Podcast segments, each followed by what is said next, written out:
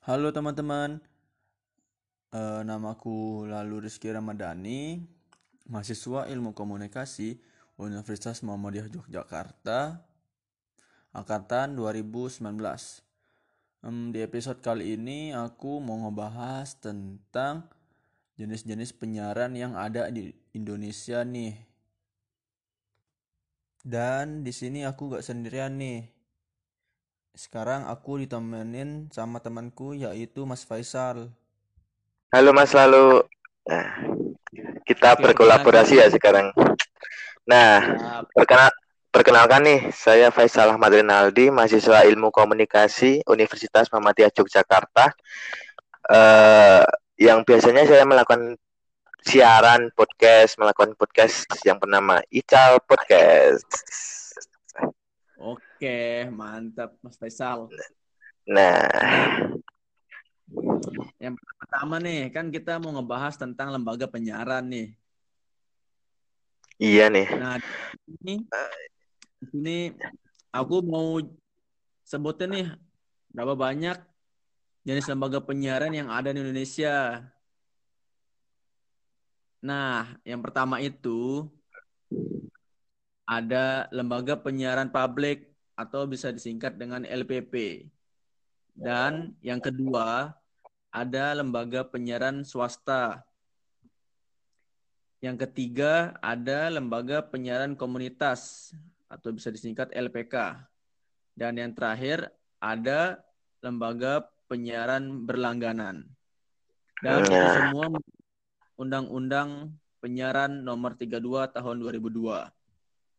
Nah, mungkin Mas Faisal bisa bantu nih gimana penjelasan dari lembaga yang pertama itu, lembaga penyiaran publik itu gimana sih Mas Faisal? Nah, oke oke terima kasih Mas Lalu. Nah, untuk yang lembaga penyiaran publik menurut Undang-Undang Nomor 32 Tahun 2002 itu menyebutkan bahwa lembaga penyiaran ini yang it- itu tuh berbentuk badan hukum yang didirikan oleh negara. Nah, namun bersifat independen, netral dan tidak komersial. Nah, fungsi lembaga lembaga penyiaran publik ini untuk memberikan layanan kepentingan masyarakat. Nah, lembaga penyiaran ini kalau di Indonesia yaitu TVRI dan RRI. Nah, gitu Mas Lalu. Siap. Keren keren keren. Nah. Nah, kalau lembaga yang kedua kan ada lembaga penyiaran swasta nih. Nah, mungkin bisa dijelasin tuh gimana perbedaannya dari lembaga publik swasta gitu. Dikit-dikit aja Nah. lah gitu. Oke, nah kalau lembaga penyiaran swasta ini tuh bersifat komersial, berbentuk badan hukum Indonesia yang bidang usahanya tuh hanya menyelenggarakan penyiaran radio atau televisi. Nah, di sini tuh yang menarik eh, warga negara asing itu tuh dilarang menjadi pengurus lembaga penyiaran swasta kecuali itu dalam bidang keuangan dan bidang teknik, Mas Rizky. Oke.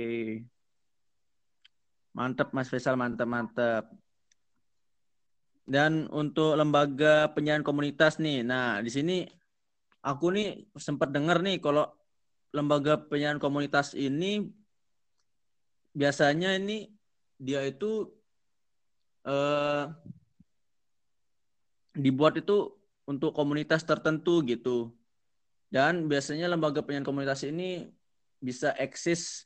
Nah, kenapa bisa eksis? Yaitu salah satunya adalah pendapatan yang di mana diperoleh dari kontribusi komunitas dan dan mendapatkan sumber pendanaan dari sumbang, sponsor, dan sumber lain yang tidak mengikat gitu Mas Faisal.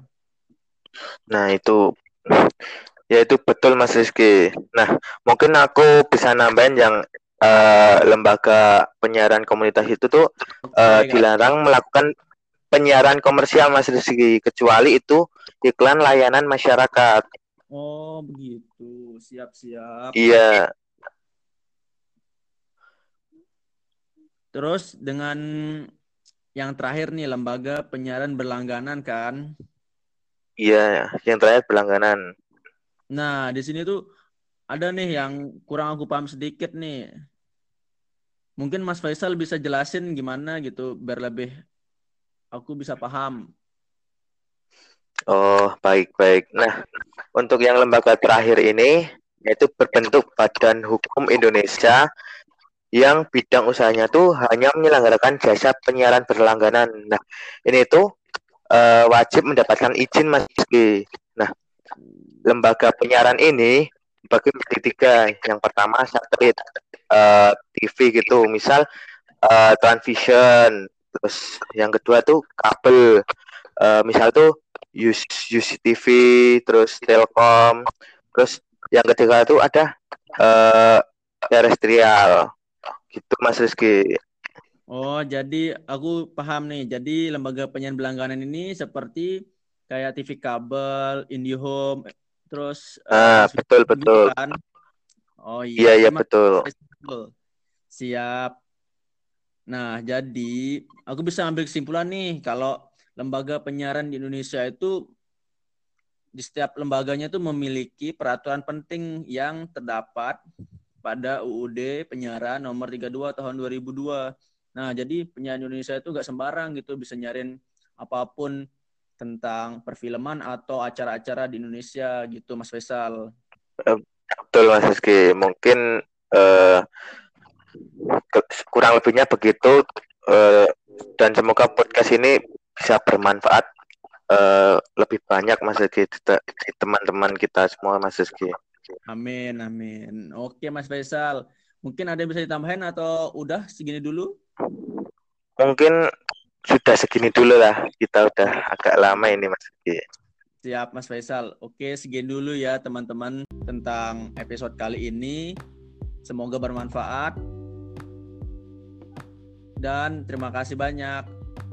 Oke, makasih Mas Faisal. Oke, sama-sama Mas Rizky. Oke, dadah. Dadah.